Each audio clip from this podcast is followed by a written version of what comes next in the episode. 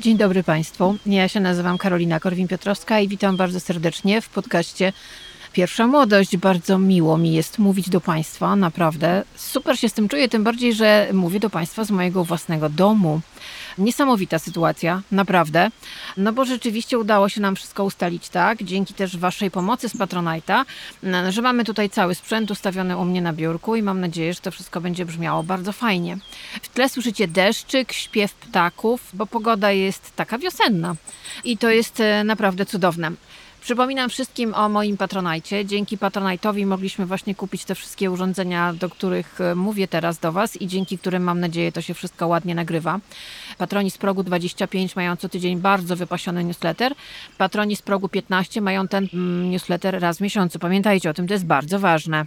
Przypominam, jesteśmy na Apple Podcast, Google Podcast, na Spotify i na moim kanale na YouTube. E, premiera każdego odcinka Pierwszej Młodości e, zawsze w piątki o godzinie 18. A więc ruszamy.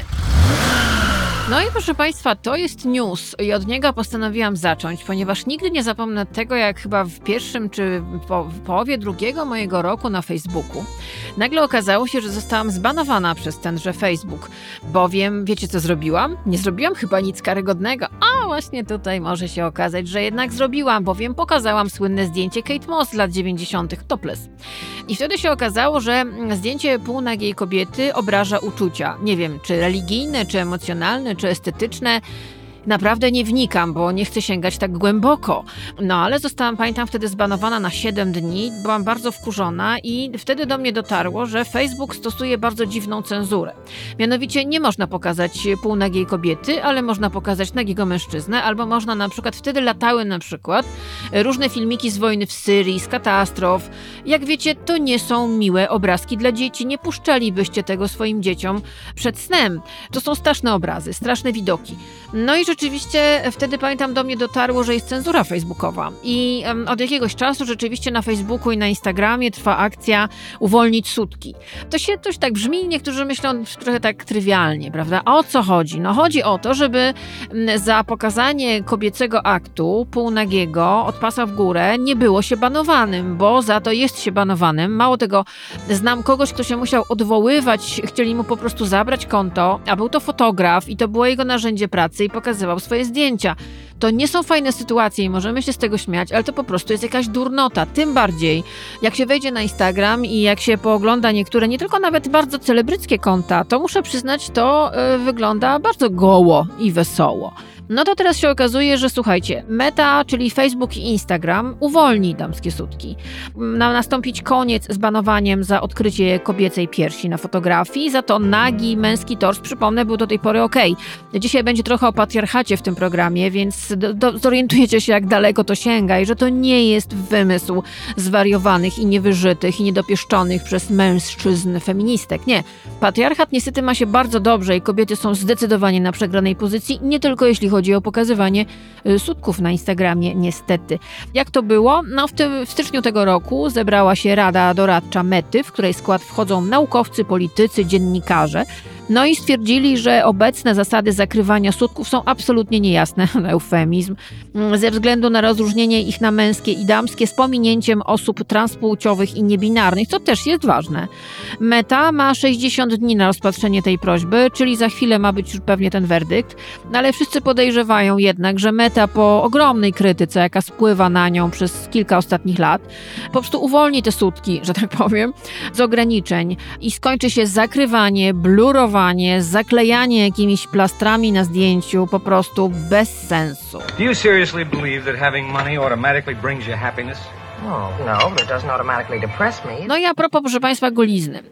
Jak nie wiecie, to właśnie wiecie, ja skończyłam historię sztuki, jestem historyczką sztuczną i moi rodzice, głównie moja mama, znaczy myśmy mieli w domu albumy. Mieliśmy w domu albumy ze sztuką, bardzo dużo. I e, jak wiecie, sztuka polega także na tym, spora jej część, na przykład sztuka antyczna, no, że ludzie tam bardzo y, otwarcie pojmowali nagość. I mała Karolinka dostawała do ręki albumy i sobie te albumy oglądała, a tam były nagie panie i nadzy panowie, na przykład posągi greckie, rzymskie, etruskie. Mm, no i pytała, co to jest. Mama odpowiadała, że tak ludzie wyglądają, tararira. No i jakoś może dlatego ja nie jestem wstydliwa za bardzo. Jak widzę męskiego penisa albo kobiecą waginę, to jakoś się nie obruszam, wręcz wiem, że to jest po prostu część naszego ciała, prawda? No ale się okazuje, że są tacy, którzy w 2023 roku na widok mm, penisa wyrzeźbionego przez Michała Anioła dostają po prostu dzikiej paranoi. Postanowiłam Wam opowiedzieć o tym, bo to jakoś mi się tak złożyło z tymi sutkami na Instagramie i na Facebooku, bowiem pewna pani, dyrektorka szkoły na Florydzie, straciła stanowisko po skargach rodziców, którym nie spodobało się, kiedy na lekcji w szóstej klasie pokazała rzeźbę przedstawiającą biblijnego Dawida, dłuta Michała Anioła, który był absolutnym geniuszem. Słuchajcie, lokalne media amerykańskie podały, że jeden z rodziców, i teraz uwaga, uznał lekcję o sztuce renesansu za pornograficzną. Naprawdę, słuchajcie, wierzcie mi, ja myślałam, że to jest fake. Ja myślałam, że to, nie wiem, napisała sztuczna inteligencja, ktoś nabrał się jakichś grzybków, nie wiem, za dużo się naoglądał Pornhuba, albo właśnie może powinien obejrzeć, już sama nie wiem. Żyjemy w bardzo dziwnych czasach, ale słuchajcie, okazuje się, że no, była lekcja sztuki renesansu w jednej z klas. No i okazuje się, że rodzice y, no, dostali po prostu jakieś paranoi, niektórzy. Na przykład y, okazuje się, że jeden z rodziców stwierdził, że jego dzieci poczuły się po prostu wręcz obrażone, przerażone, że dzieci trzeba ostrzegać. Nagi mężczyzna, wyrzeźbiony w latach 1501-1504 przez Michała Anioła, Dawid. On stoi we Florencji, ja go widziałam w Galeria dell'Accademia, jest przepiękny. Matko Boska, jaki on jest piękny. Stoi się pod nim i po prostu człowiek sobie myśli, Michał Anioł był geniuszem, a ten posąg jest po prostu obłędny i można się na niego gapić godzinami i obchodzić go dookoła. On jest y, wyrzeźbiony z, ogromnymi, z ogromną dbałością o szczegóły. Nawet żyły widać, y, mięśnie widać na, na, na, ten, na tym posągu. No i widać też penisa. No bo mężczyźni to mają raczej. No i się okazuje, że słuchajcie, no nagle ta rzeźba dla 11-12-letnich dzieci, 11-12-letnich, czyli to już są, no to są nastolatki, okazała się zbyt czymś, czymś zbyt wielkim, zbyt dużym, że, że okazuje się, że rodzice poczuli się po prostu obrażeni. Uznano to za pornografię. 600 lat po tym, jak Michał Anioł wyrzeźbił e, Dawida, okazuje się, że to jest pornografia dla niektórych w Stanach Zjednoczonych. Znaczy, naprawdę jak to przeczytałam, pomyślałam sobie, no to niech już ta ludzkość upadnie do jasnej cholery, bo naprawdę dochodzimy do takich absurdów, czy okej, okay, możemy się z tego śmiać. I ja oczywiście jestem w stanie się z tego śmiać ale na samą myśl, że Dawid Michała Anioła przez niektórych uznawany jest za pornografię, robi mi się niedobrze, bo zastanawiam się w takim razie, co by oni powiedzieli, gdyby zobaczyli prawdziwą pornografię i czy w ogóle rozróżniają, czy w ogóle wiedzą, co to jest pornografia. A czy wy, kochanieńcy, wiecie, co to jest pornografia?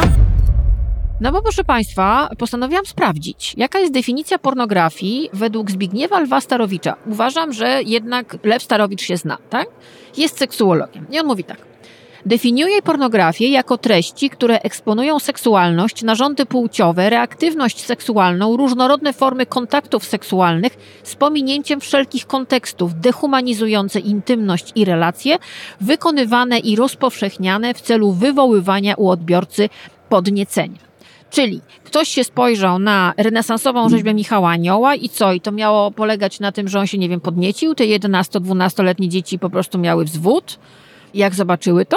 Serio? Y, w Ameryce? Naprawdę? Tak się bawimy? Cieszę się, że jestem w Europie. Cieszę się, że nie jestem w Stanach, bo naprawdę ręce i nogi opadają. To jest coś przerażającego. E, ja na szczęście oglądałam posągi greckie i rzymskie. Ja nie wiem, co by ci dorośli, co by ci rodzice powiedzieli, jakby zobaczyli na przykład niektóre płótna Rubensa. No, Nieźle. Albo na przykład karmiące Madonny Leonarda, no tam jest wywalony za przeproszeniem exquise cyc.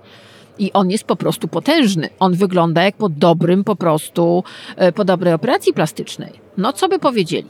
Albo na przykład, co by powiedzieli na figlujące w, w pościeli parki Bushera na przykład? No nie wiem, nie wiem. A już Maja Berezowska z Polski? Matko Boska, spalić na stosie. Nie, trochę jestem przerażona. Mam nadzieję, że to do nas nie dojdzie, aczkolwiek świat jest dziwny. Naprawdę, bo bardzo lubi rozliczać przeszłość. No właśnie, trochę porozmawiajmy sobie o rozliczeniach z przeszłością, bo no, powiem tak, czuję się trochę dziwnie. A z jednej strony, mm, jako osoba, która jest po historii sztuki, oglądała wielokrotnie dzieła Pabla Picassa na różnych wystawach i w muzeach, Jest to wielki twórca nie, niewątpliwie. Chyba jeden z najbardziej, jeśli nie najbardziej wpływowy artysta XX wieku, który zresztą bardzo sprytnie uczynił ze swojej sztuki także wartość marketingową. Miał do tego nosa, miał do tego rękę, jego rodzina bardzo go za to kocha. No ale pamiętajmy, że był też osobą o bardzo nieciekawym charakterze. Był potwornym mizoginem. E, mówimy o tym dlatego, że mamy 50. rocznicę śmierci Pabla Picassa, no i teraz zadajemy sobie pytanie i zadają sobie te pytania media oraz kuratorzy wystaw poświęconych temu artyście, czy to jest czas, by go wskrzesić, czy to jest czas y, do tego, żeby go jednak spalić, ponieważ no Żyjemy w takich czasach, które bardzo lubią kancelować artystów. Wyciągają im z przeszłości, z życiorysu różne kwiatki, a wiadomo, każdy takie kwiatki ma. A artyści, wydaje się nam, chociaż myślę, że to jest turbobrednia, mają tego trochę więcej. No i robi się taka sytuacja, że jak sobie przyjrzymy życiorys Pabla Picassa, no to widzimy pana, który no, miał ogromny wpływ na kobiety. Zostawiał je wszystkie jedna po drugiej. Płodził z nimi niektórymi dzieci. Był wręcz terrorystą w związku. E, był potwornie zazdrosny był bardzo zaborczy, był też zazdrosny o talent swoich żon. Nie traktował ich najlepiej.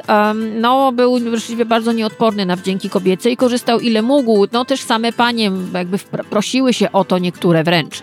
I też trzeba powiedzieć, że na niektóre kobiety artysta działa no, jak totalny afrodyzjak. On może mieć trzecie oko na czole, nie mieć włosów, nie wiem, być lekko tępawy, a jak jest artystą, a do tego jeszcze znanym i światowej sławy, to uh, nieważne.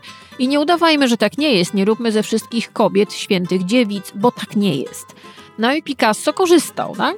No i teraz się okazuje, że no, ta reputacja Pabla Picassa y, w związku z tym, co się dzieje ostatnio w świecie, w związku z cancel culture, w związku z mitu, w związku z tym, że od, odgrzebuje się biografię wielkich artystów, odczytuje się je na nowo, no to teraz ta reputacja y, robi się trochę słaba. Przypomina się innymi to, co powiedział Kanye West, który jest skancelowany, myślę, że do końca i rzeczywiście zasłużył na to, ale słuchajcie, on powiedział coś takiego. Czuję się jak Pablo, czyli Pablo Picasso w domyśle, kiedy pracuje nad butami. No to jest ciekawe. I potem on w jednym z utworów powiedział tak. Czuję się jak Pablo, kiedy widzę mnie w wiadomościach. Czuję się jak Pablo, kiedy pracuję nad moim domem. Powiedz im, że tutaj jest impreza, nie, że nie musimy wychodzić. Znaczy Kanye West generalnie ma problemy z, z, poważne, emocjonalne, ma problemy psychiczne. On tego nie ukrywa i nie ukrywała tego jego była żona Kim Kardashian, no ale porównywał się do Pabla Picassa, myślę, że nie bez powodu, no bo rzeczywiście, okej, okay, może reputacja Pabla Picassa nie jest tak zniszczona jak Kaniego Westa, ale na przykład w tym roku Brooklyn Muzeum organizuje wystawę, która nosi tytuł It's Pablomatic. Kuratorką tej wystawy jest niejaka Hannah Gatsby. Cała ta wystawa, to co się wokół niej dzieje, też wystawa w Paryżu, która będzie miała miejsce w związku e, z rocznicą śmierci Picassa, no ale okazuje się, że to wzbudza znowu zainteresowanie tym artystą i jego życiorysem. A ten życiorys, tak jak mówię, no miał wzloty i upadki i tam się bardzo dużo działo. Jak, a że niektórzy ludzie bardzo lubią się skupiać na brudach, no to niestety brudów w życiu Pabla Picassa, w życiu prywatnym, erotycznym jest y, cała masa. No i teraz zapytali dziennikarze Guardiana, no bo pojawiają się w prasie artykuły na ten temat, już powoli, znaczy zaczyna się od, od jakby Myślę, że jakby Picasso znowu staje się hot. I w sumie bardzo dobrze, bo jego sztuka jest naprawdę wybitna, szczególnie okres błękitny, różowy, kubizm, wybitny rysownik, no i też moim zdaniem też geniusz marketingu, czego by nie mówić, no on naprawdę, no, wiedział jak też swoją sztukę sprzedać, miał niesłychaną żyłkę do interesów, wiedział jak się zachowywać z mediami, no był naprawdę genialny, może tylko Salvador Dali był lepszy od niego momentami. No ale teraz tak, zapytano osoby ze świata sztuki, Guardian zapytał, no jak to z tym Picassem dzisiaj jest, słuchajcie. No i krytyk sztuki Guardiana mówi tak, Adrian Zero niejaki. Wszystko, co słyszysz o Picassie, może być prawdą. No ale co w takim razie z jego innowacjami formalnymi i stylistycznymi, z oszałamiającą złożonością jego pracy? Był świadkiem zgiełku XX wieku, był też sentymentalnym komunistą, zarówno nowoczesnym, jak i przesądnym. Był dzieckiem XIX-wiecznej prowincjonalnej Hiszpanii i to wychowanie przywiózł ze sobą. Jego niezaprzeczalna okropność jako istoty ludzkiej jest częścią jego złożoności. Nie możesz mieć Picassa bez Picassa. Natomiast krytyczka sztuki Eliza Goodpasture mówi tak. On bez, bezmyślnie lekceważył kobiety, które malował i z którymi spał. I no jest prawda. Znaczy tak rzeczywiście było. Ona mówi wprost, że marka wielkości Picassa charakteryzuje się głośnością, skalą, siłą, oryginalnością, sławą i ogólną wartością szoku i podziwu. I także wyróżnia się tym, że jest bardzo macho i że jest to człowiek okrutny, jest mizoginem. To, że jest takim, był takim człowiekiem, okrutnym i mizoginem, jest równie znane i równie pewne jak jego obrazy. Na co zwraca uwagę owa krytyczka, że życie i sztuka Picassa były możliwe dzięki pracy kobiet, jego żon i kochanek, które opiekowały się nim i organizowały mu życie, oraz oczywiście modelek i mus, które wypełniają jego obrazy. Te kobiety nie mogły stać tam, gdzie on stał za płótnem. W burdelach, w barach i na polach bitew, myśląc tylko o pracy. Ponury radykalizm jego sztuki, mówi Eliza Goodpastures, opiera się na bezmyślnym lekceważeniu człowieczeństwa kobiet, które malował i z którymi sypiał.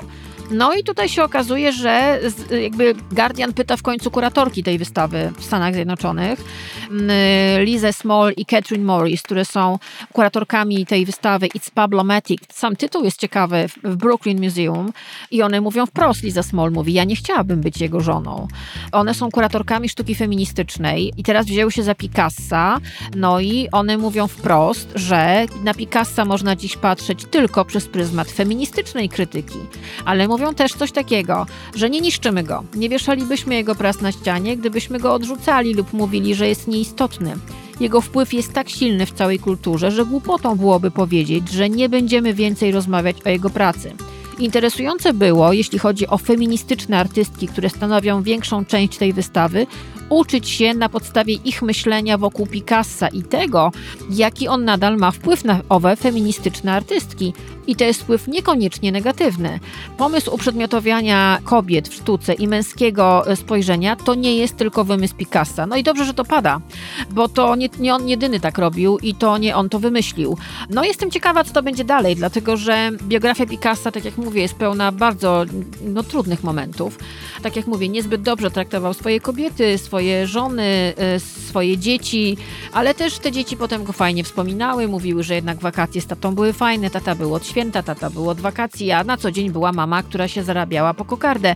Różnie to bywa, tak jak w każdych innych rodzinach i takich sytuacji rodzinnych w, rodzinach nieartystycznych jest pewnie bardzo dużo, ale tutaj mamy Pabla Picassa, tutaj mamy kogoś, kto dalej podnieca, dalej fascynuje. Ja bym bardzo chciała, żeby ludzie poszli na wystawy jego dzieł, bo to są wspaniałe dzieła. Mówię to jako osoba, która widziała wszystkie najważniejsze dzieła Picassa i naprawdę to są dzieła kontemplacyjne. Warto się w to zanurzyć, warto jest to zobaczyć. Przypomnę, jeżeli chodzi o wystawę Picassa z okazji 50. rocznicy śmierci, to mamy tak: The Collection in a New Light. Można ją oglądać w Muzeum Picassa w Paryżu do 27 sierpnia. Bardzo fajne muzeum, polecam. A wystawę w Brooklyn Muzeum w Nowym Jorku It's Pablomatic. Myślę, że to będzie głośna wystawa. Od 2 czerwca do 24 września można sobie na wakacje pojechać. Hello. Good evening, señorita. Senor, I am Capitan Delgado. I would like to ask permission to dance with your lady. The answer is no. The answer is yes. I'd love it. But the young man The young man would love it too, but he can't afford it. To była, proszę Państwa, Gilda z 1946 roku. Rita Hayward w filmie Gilda, e, w słynnym filmie mm, Noir. Taka kobieta trochę w stylu Picassa. No właśnie, bo porozmawiajmy sobie o filmie o Picassie. Pojawił się jeden taki film bardzo ważny, Picasso, twórca i niszczyciel. Jego premiera światowa miała miejsce we wrześniu 1996 roku, czyli już szmat, szmat czasu. Reżyserował ten film James Ivory, wtedy absolutnie u szczytu sławy. Zresztą naprawdę wielki, e, wielki reżyser film, filmowy. W roli e, Picassa wystąpił Anthony Hopkins, dzisiaj gwiazda Instagrama, przeuroczy starszy pan, absolutnie jeden z największych aktorów wszechczasów.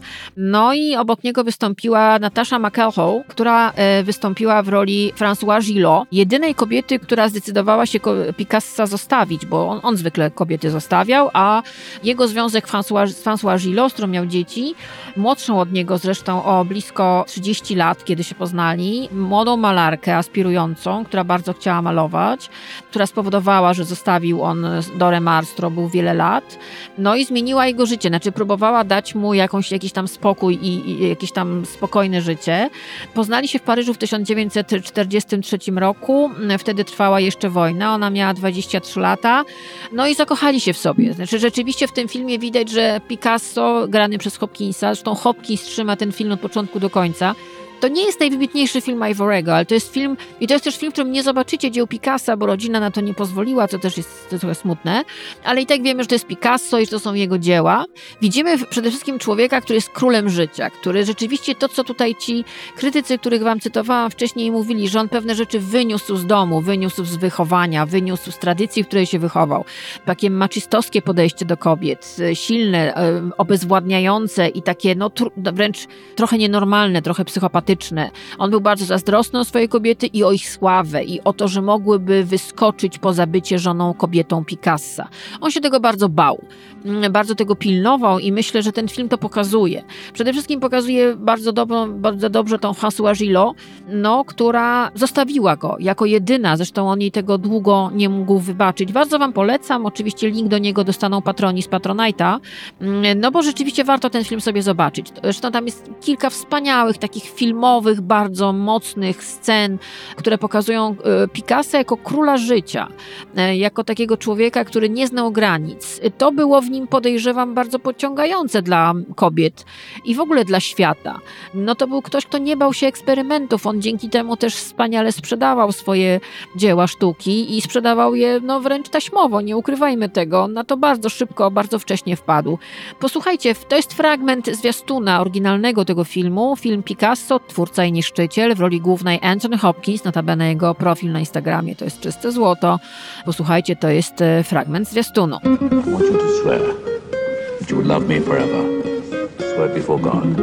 This fall, Academy Award winner Anthony Hopkins will be reunited with Merchant Ivory, producers of The Remains of the Day, Howard's End, and A Room with a View. I'm a man of deep feelings. You have no feelings. You know nothing about love. And join two-time Academy Award-winning producer David Wolper to bring you the story of Pablo Picasso, the greatest artist of the 20th century. The painting can never be finished. The day I finish a painting, that day I'm finished. A man whose passion for women... I'm a perfectly straightforward character with all my cards on the table was exceeded only by his desire to create. But there are so many cards, and some of them are under the table, too.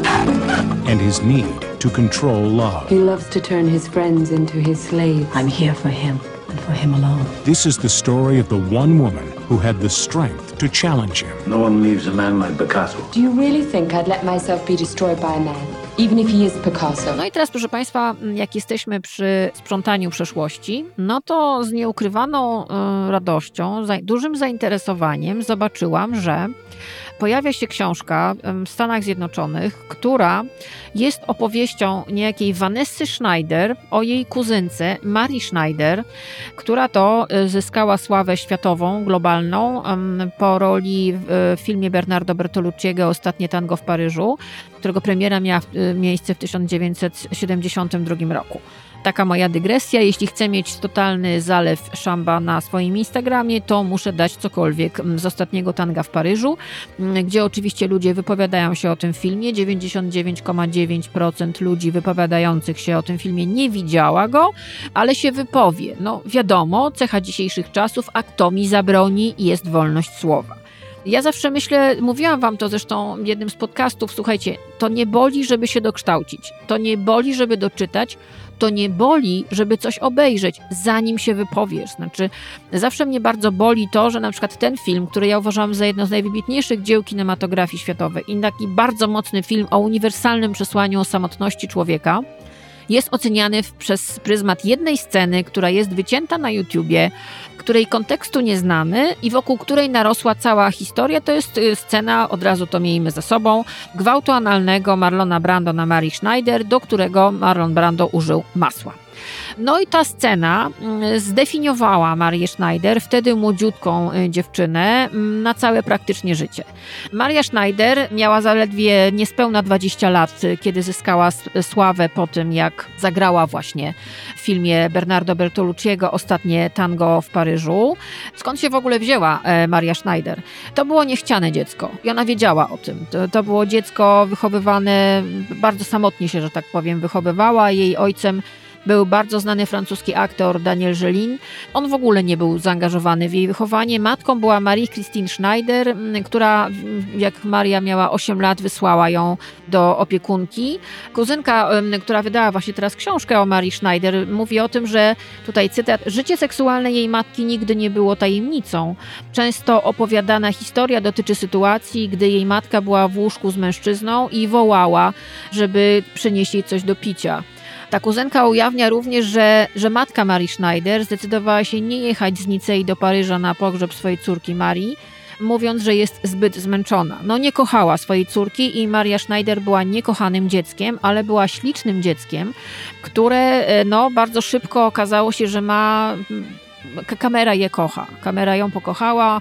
Ona miała niesamowity typ urody. To była taka mm, kobieta, zresztą do końca miała taki, coś, coś takiego, że miała taką buzię nadętego, trochę złego na świat dziecka. No zresztą nawet w ostatnim tangu w Paryżu jest taka scena, jak ona nadyma policzki jak mała dziewczynka do lustra. Ona miała coś dziecięcego i bardzo naiwnego w twarzy, a jeżeli słuchacie tych podcastów, to mówimy o latach 70., no, które w ogóle miały taką obsesję w ogóle na, na punkcie dziecka, dzieciństwa, niewinności, te nimfetki, te dzieci seksualizowane. I ta Maria Schneider, która się nagle pojawiła e, z taką chłopięcą sylwetką, burzą ciemnych włosów, wielkimi oczami, i z, z, bardzo wyrazistymi, pięknymi ustami, niezbyt dużym biustem, no to ona była takim trochę efebem. Ona idealnie pasowała do ówczesnych ideałów e, seksualności, słuchajcie. No i wystąpiła w filmie, mm, w, w filmie Bertolucciego. Po premierze obraziła się na reżysera i nie odezwała się już do niego ani słowem. Mm, nie chciała z nim w ogóle rozmawiać. Niestety potem mm, wpadła w różne problemy. E, życiowe, emocjonalne. No, niekochane dzieci bardzo często mają potem problem ze swoją tożsamością, ze swoimi emocjami. U niej ten problem objawiał się tym, że była uzależniona od narkotyków i to nawet od tych najcięższych, od alkoholu. Wpadła w jakieś ogromne długi, miała potworne e, problemy finansowe, problemy w życiu prywatnym. No i rzeczywiście jej kuzynka Vanessa Schneider w tej książce, która za chwilę ukaże się w Stanach, a już recenzje się, są, się pojawiły w New York Timesie między innymi, Mówi wprost, że sama nie wie, czy jej kuzynka byłaby z tego zadowolona, ale warto może ujawnić historię Marii Schneider, mm, aktorki, która no, y, zagrała zaledwie w paru filmach. Ja ją bardzo lubię w filmie Zawód reporter Michelangelo Antonioniego, gdzie zagrała z Jackiem Nicholsonem. Bardzo w ogóle lubię ten film i lubię jej energię, między, którą ma z Jackiem Nicholsonem. Bardzo mi się tam podoba. No ale niestety stała się niewolnicą tej jednej roli, a zresztą ja pamiętam jak czytałam na temat ostatniego tanga w Paryżu, Wiecie, dzisiaj mamy media społecznościowe i można kogoś wyzywać od KIP e, na Facebooku, na Instagramie. A wyobraźcie sobie taką sytuację, że Maria Schneider, to a propos tego szlamu, który się leje u mnie na Instagramie, jak dam cokolwiek z ostatniego tanga w Paryżu. Nie wiem, ale nie widziałem, ale się wypowiem no to wyobraźcie sobie sytuację, że Maria Schneider w Paryżu, w tym wspaniałym, takim on radosnym, seksualnym mieście, wyzywana była od wcale nie starszych kobiet na ulicy, od dziwek. No bo wystąpiła w takim, a nie innym filmie i żadna z tych pań, jak myślę, nie widziała tego filmu. No ale wiedziała, co tam jest, no powie lepiej i się wypowie. Mm, myślę sobie, że nie wiem, jakby ona sobie dała radę dzisiaj w czasach mediów społecznościowych, może po prostu by, by je wyłączyła. Wtedy niestety była no, ofiarą bardzo dziwnych sytuacji. Na przykład kiedyś leciała samolotem i steward ni stąd, ni zowąd położył jej na talerzu kostkę masła no bo to masło się potem już za nią e, ciągnęło. To może być ciekawa książka, tak jak mówię, ja już ją sobie zamówiłam, ona przyjdzie do mnie za jakieś dwa tygodnie, bo jak tutaj czytam w recenzji w New York Timesie, Maria Schneider to jest jedna z bardziej nieznanych aktorek lat 70. od strony takiej no faktograficznej. Jej kuzynka, no miała z nią kontakt do końca, więc e, pewnie tam jest dużo dość brutalnych opisów, zresztą tak e, recenzent mówi o tym, że Sama y, Vanessa Schneider niektóre rzeczy po prostu ocenzurowała, bo uznała, że siostra nie chciałaby chyba, żeby zostały ujawnione, co już samo mówi o tym, co to tak naprawdę jest w tej książce. Tym bardziej warto będzie to przeczytać, bo książka ta pojawi się w erze post-MeToo. I teraz pojawia się dużo biografii znanych kobiet. Z punktu widzenia mitu, z punktu widzenia myślę, że tej rewolucji feministycznej i w ogóle emocjonalnej, która, tej w ogóle rewolucji społecznej, która się dzieje, to będzie bardzo ciekawe poczytać sobie taką książkę. Garçon? You know, the tango is a, is a right. And you understand right? And you must watch the legs of the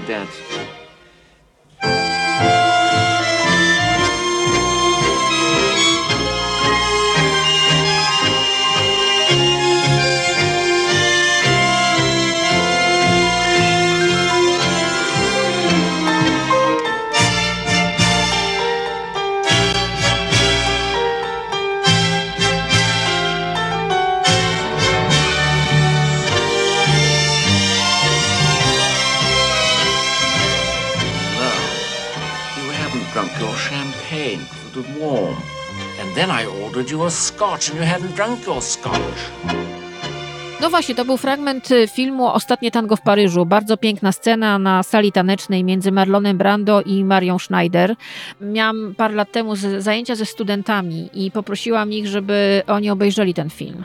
I obejrzeli go. I jedna ze studentek powiedziała do mnie tak – Obejrzałam ten film jak natchniona, potem obejrzałam jeszcze raz i wiem jedno, czegoś równie pięknego i wstrząsającego nie widziałam nigdy w życiu i jestem niemal pewna, że raczej już nie zobaczę. Absolutnie się pod tym podpisuję, bo to jest opowieść, którą niektórzy oczywiście mm, zrównają z jedną sceną, z masłem, ale tak naprawdę jest to opowieść o tym, jak dwoje ludzi, mężczyzna po 40, w tej roli Marlon Brando, to jest rok 72, on już nie jest tym pięknym młodym Marlonem, jest wyraźnie łysiejącym, troszeczkę zaczynającym się zaokrąglać aktorem, facetem. No właśnie, kim jest Marlon Brando w tym filmie? Dla mnie w ogóle Marlon Brando jest kwintesencją aktora. Dla jednych jest egocentrycznym potworem, e, dla innych jest aktorskim geniuszem. Moim zdaniem jest aktorskim geniuszem i bardzo skomplikowaną postacią. W filmie Bertolucciego jest już po pięćdziesiątce. Przestał być definitywnie złotym chłopcem, który czarował wszystkie kobiety, troszkę mu się przybrało na wadze, zaczął łysieć i też ogrywa to w tym filmie. Zresztą potem powiedział w pewnym momencie w jednym z wywiadów, że Bertolucci go tym filmem rozjechał.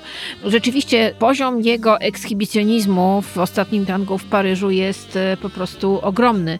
Krążą legendy o tym, ile i jakie sceny Marlon Brando dopisywał do scenariusza, bo miał takie takie prawo.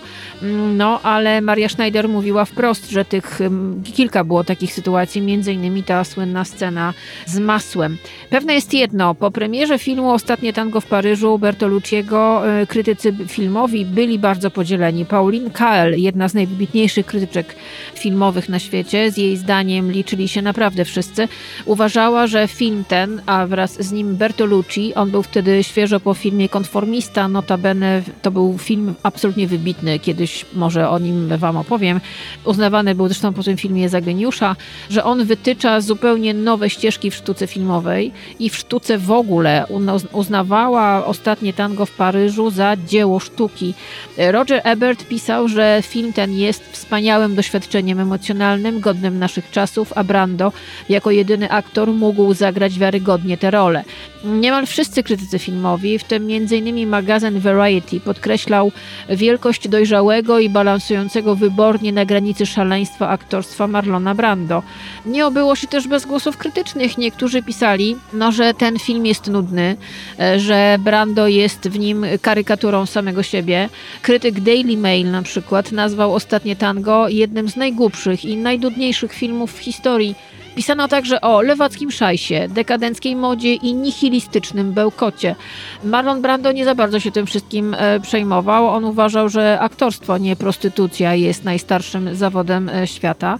Co do w ogóle percepcji tego filmu, e, no była bardzo, bardzo ciekawa, bo recenzenci pisali dobrze, widownia szła do kina, Maria Schneider dostała za rolę w tym filmie Cezara, no ale z drugiej strony wyobraźcie sobie, film spotykał się z różnymi represjami, między innymi sąd w Bolonii oskarżył twórców filmu Ostatnie tango w Paryżu o rozpowszechnianie w pornografii. Film był na indeksie zakazany, na liście filmów zakazanych. W tle słyszycie muzykę Gato Barbieriego, którą zresztą potem Gotan Project przerobił i zrobił z tego hitową płytę. Ostatnie tango w Paryżu wpisujecie sobie w YouTube i macie przeróbki tego słynnego tanga, wspaniałej muzyki. Niestety, tak jak już Wam powiedziałam, ten film e, zakazywany, obrzucany obelgami, ale też bardzo piękny i bardzo emocjonalny i opowiadający o dwojgu samotnych, nieszczęśliwych ludziach. No, ten film sprowadzony został niestety do jednej sceny, i dlatego, jak chcę mieć e, aferę u siebie na Instagramie, to daję zdjęcie z ostatniego tanga w Paryżu i wtedy po prostu zlatują się moraliści, wszystkie ciotki rewolucji z całego niemal świata. Jest mi bardzo przykro, bo 99% z nich nie widziała całego filmu. Nie mówię o wyciętej na YouTubie jednej scenie, mówię o całym filmie. No cóż, takie mamy czasy. You know what I need to get me over this depression this summer? What would do more good than all the shots and pills in the pharmaceutical kingdom? I need myself a lover. Proszę Państwa, to była Elizabeth Taylor, nasza ulubiona, absolutnie kultowa, sądząc po listach do mnie.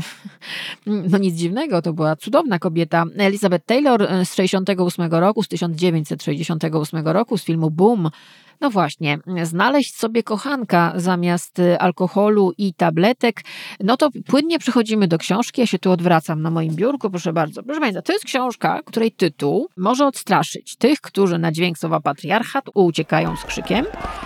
Tym bardziej, że uwaga, na okładce jest pisuar. Patriarchat rzeczy, świat stworzony przez mężczyzn dla mężczyzn. Tada, Rebecca Endler to napisała i to jest taka książka, która jakbym robiła listę otwierających książek, otwierających głowy książek, to to byłby top. Zdecydowanie.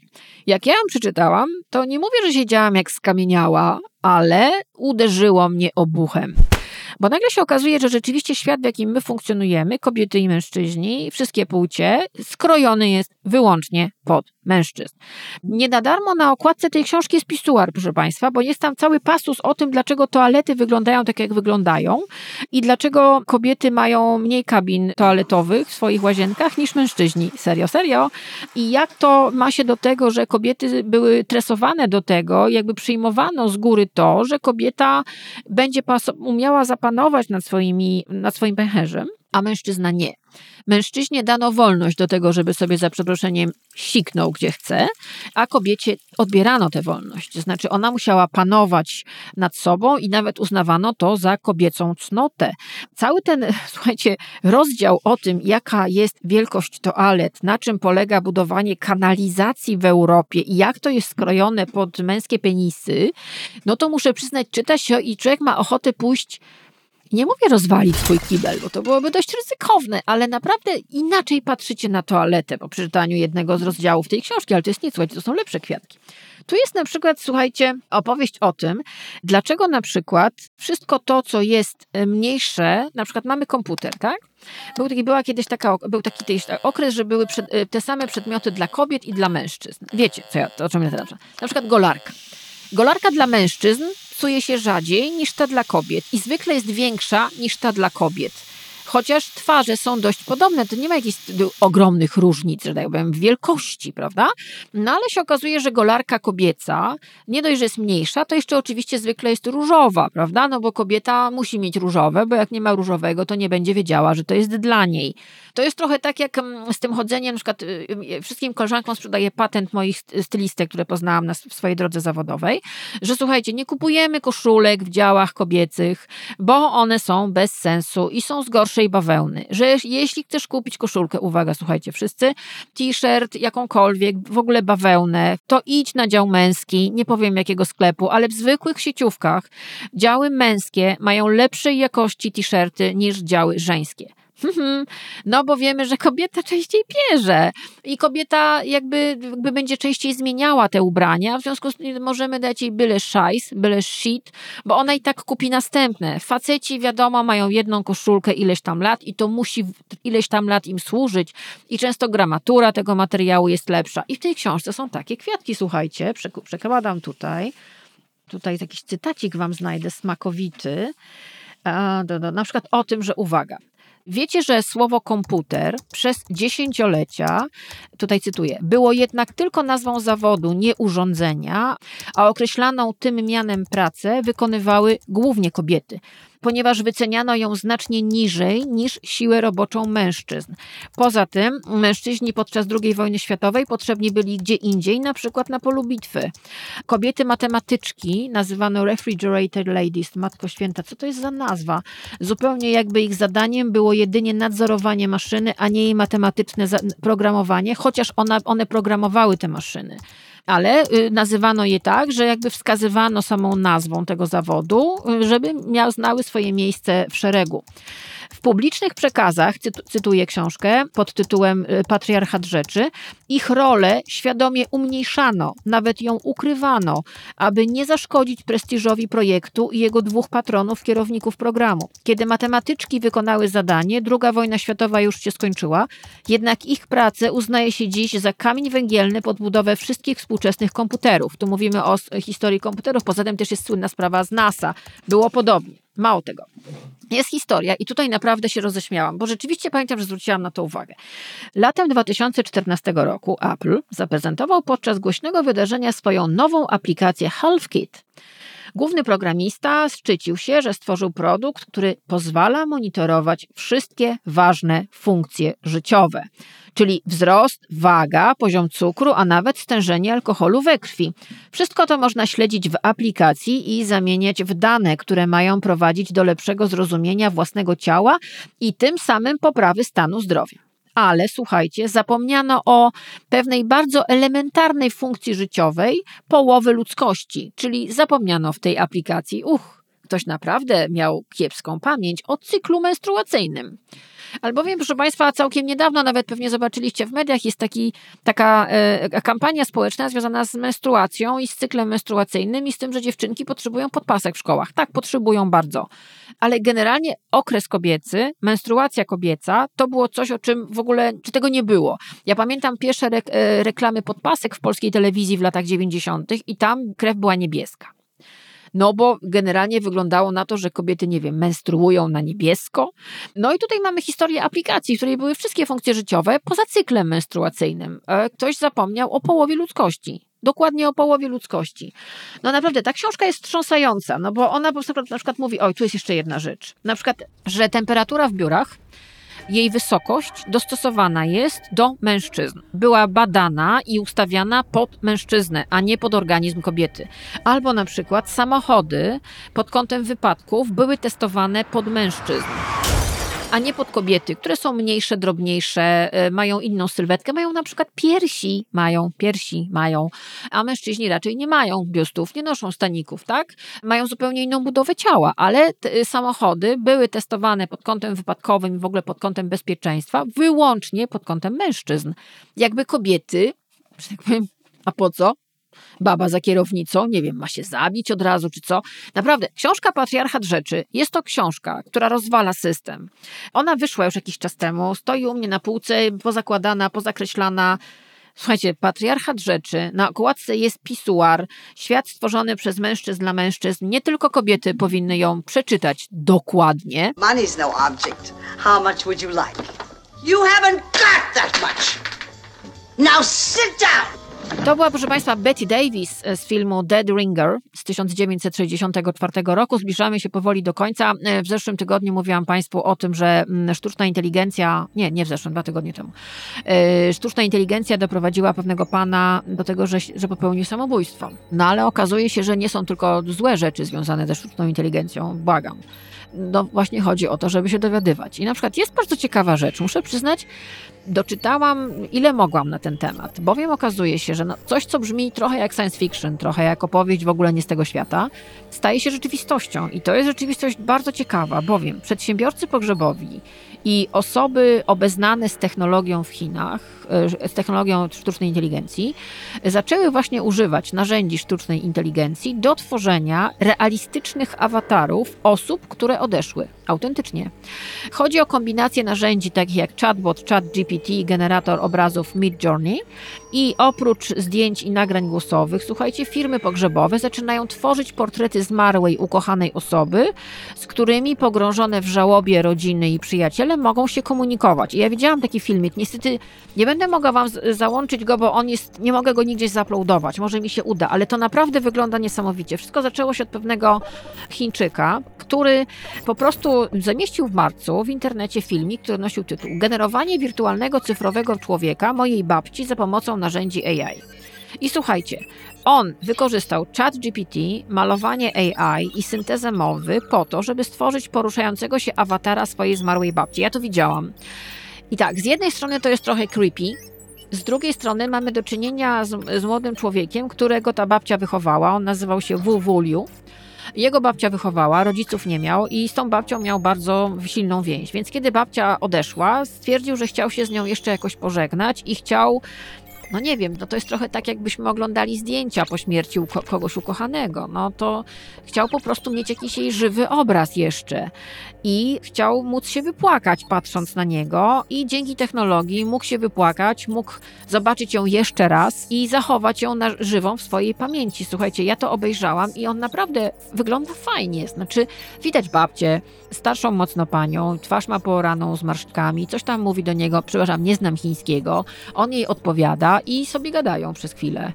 I okazuje się, słuchajcie, że są firmy w Chinach, które e, specjalizują się w cyfrowych usługach pogrzebowych, to się tak nazywa, i oni organizują pogrzeby z wykorzystaniem technologii sztucznej inteligencji. I słuchajcie, od stycznia 2022 roku oni to robią, teraz dopiero to jest jakby nagłaśniane. I pierwszy taki pogrzeb, co jest ciekawe, odbył się dla chińskiego chirurga, który miał bardzo wielu kolegów, przyjaciół, studentów. No i niestety oni nie mogli pożegnać się z nim osobiście. Wiadomo, rodzina miała pierwszeństwo i słuchajcie, byli w stanie porozmawiać z nim, z nim podczas ceremonii pogrzebowej dzięki właśnie sztucznej inteligencji. Z jednej strony myślisz sobie, Jezus Maria, z drugiej strony czytam tak. Dyrektor generalny tej firmy, która organizuje te ch- pogrzeby, mówi tak. Mam nadzieję, że żywi zrozumieją, że śmierć nie jest końcem życia. Ludzie chcą używać sztucznej inteligencji do odzyskiwania zmarłych, ponieważ chcą uwolnić swoje emocje. I to myślę, że głównie o to chodzi, że będziemy mogli, pewnie to wejdzie do użytku, tak mi się wydaje, będziemy mogli pożegnać się ze swoimi zmarłymi, będziemy mogli z nimi może porozmawiać, właśnie może uwolnić swoje emocje. No wiecie, to, to jest niesamowite. Na przykład jeszcze w artykule, który tutaj czytam z chińskiej prasy, jeden z blogerów wysłał pytanie do czata GPT, e, prosząc, by jego matka, że chciał porozmawiać z matką, którą stracił, gdy miał 7 lat. I teraz zaczął się zwierzać chatbotowi, że bardzo tęsknił za swoją mamą. No i te wymiany zdań e, z czatem, on tak sobie gadał, gadał. W pewnym momencie czat odpowiedział mu tak. Jestem tą osobą, którą byłam, kiedy miałeś 7 lat. Jestem twoją matką, która jest wiecznie młoda i która zawsze będzie ciebie kochać. No powiem wam tak. Można mówić, że to jest koniec świata, ale mi się to gdzieś podoba, bo myślę, że mamy wielki problem z żegnaniem swoich bliskich. Jest coś takiego jak Instytut Dobrej Śmierci. Radzę sobie to wpisać w internet, to jest bardzo ciekawa rzecz. My w ogóle wygumkowujemy śmierć, udajemy, że jej nie ma, a tu się nagle może okazać, że będziemy mogli sobie porozmawiać z tymi ludźmi, którzy odeszli. Będziemy mogli ich obejrzeć po raz ostatni. Nie wiem, jakoś nie czuję tutaj e, czegoś bardzo złego, chociaż nie wiem, różnie bywa. Świat jest szalony. Oczywiście tutaj e, w tym e, tekście z chińskiej prasy, który wam cytuję, mm, e, jedna osoba, jeden z, ekspertów mówi, że to może być problem w momencie, kiedy ludzie będą się zagłębiali w te emocje za bardzo i nie będą mogli się jakby odciąć od tej osoby, która zmarła, bo to też jest ważne, żeby się odciąć, żeby zrozumieć, żeby przyjąć do wiadomości, że ten ktoś umarł i że on już do nas nie wróci. Przypomniałam sobie, jak czytałam ten tekst o Zygmuncie Augustie, który usiłował ożywić Barbarę Radziwiłłówną. Jakby są osoby, które nie są się w stanie pogodzić z tym, że ktoś ukochany odszedł, to są pewne niebezpieczeństwa, ale akurat w, w przypadku mm, domów pogrzebowych, żegnania swoich bliskich, babci, cioci, kogoś kochanego, nawet kota, psa, nie wiem, słuchajcie, to są emocje, e, ja to poznałam, to są emocje, które nie powinny być poddawane niczyjej ocenie. Każdy ma prawo przeżywać e, żałobę po osobie bliskiej jak chce i jeżeli chce ją ożywić za pomocą czatu GPT, ja nie widzę w tym nic złego. Oh, God. No i proszę Państwa, to już koniec 20 odcinka podcastu Pierwsza Młodość. Bardzo się cieszę, że jesteście ze mną przez 20 tygodni. To jest strasznie miłe. Bardzo Was proszę o subskrybowanie mm, e, na Spotify i mojego kanału na YouTube. No, jak mówię, walczymy z algorytmem. To nie jest podcast dla dzieci to jest mój subiektywny podcast, więc tu się dzieją różne rzeczy. Zapraszam Was na mojego Patronite'a. Patroni z Patronite'a co tydzień o godzinie 18 w momencie, kiedy jest premiera kolejnego odcinka podcastu. Patroni z progu 25 dostają bardzo wypasiony newsletter. Tam są rzeczy nie tylko z podcastu. Ja tam na przykład wrzucam, ostatnio wrzuciłam swoje ulubione piosenki. Więc jak chcecie sobie posłuchać, czego ja słucham, no to wszystko jest e, w tym newsletterze, który jest dla patronów. Dzięki patronom dzisiaj mogłam nagrywać z domu i mam nadzieję, że to wszystko jakoś fajnie ogarniemy i no będę za, nagrywała w pieleszach domowych. To się teraz może napije zielonej herbatki. O, wystygła. O. Bardzo dobra. Aha, jeszcze kontaktujcie się ze mną. Piszcie do mnie na mm, moim patronajcie, piszcie na Instagramie, jak macie jakieś pomysły. Bardzo jestem ciekawa. Szykuję specjalny odcinek na majówkę. Może będzie jeszcze jakiś bonusik, zobaczymy. No i na koniec, proszę Państwa, bo y, deszcze mają iść niespokojne, ale postanowiłam dzisiaj pożegnać się z Wami taką piosenką, którą jak byłam małą dziewczynką, o, ja uwielbiałam ten film. Jak byłam małą dziewczynką, to wychodziłam, takie miałam wysokie czarne kalosze, które kiedyś potem mi pękły, bo już były tak stare i schodzone, że no wiadomo. Ale chodziłam na, y, na deszcz i tańczyłam z parasolką w deszczu, w tych kaloszach na pustych ulicach mojej dzielnicy. Naprawdę, serio. Chciałam być jak Jean Kelly. Chciałam być jak Jean Kelly w deszczowej piosence, więc na koniec podcastu Pierwsza Młodość, 20 odcinka, specjalnie dla Was, 1952 rok, Jean Kelly, deszczowa piosenka. Słyszymy się za tydzień. Dziękuję, że jesteście ze mną i dziękuję, że czuję się potrzebna Wam. Wiecie, jakie to jest fajne uczucie? No to teraz zatańczmy w deszczu jak Jean Kelly. Bądźcie szczęśliwi, bądźcie zdrowi. Do usłyszenia za tydzień. E, to był 20 odcinek e, podcastu Pierwsza Młodość, który przygotowała Karolina Korwin-Piotrowska i to mój głos tutaj słyszycie. Moim wydawcą jest Mateusz Nowosad. Dziękuję Wam wszystkim. Zapraszam na Patronite'a, na Spotify, na Apple Podcast i na Google Podcast. No dobra, teraz Jean Kelly. I'm singing in the rain, just singing in the rain. What a glorious feel, and I'm happy again. I'm laughing at clouds so dark up above. And the sun's in my heart, and I'm ready for love.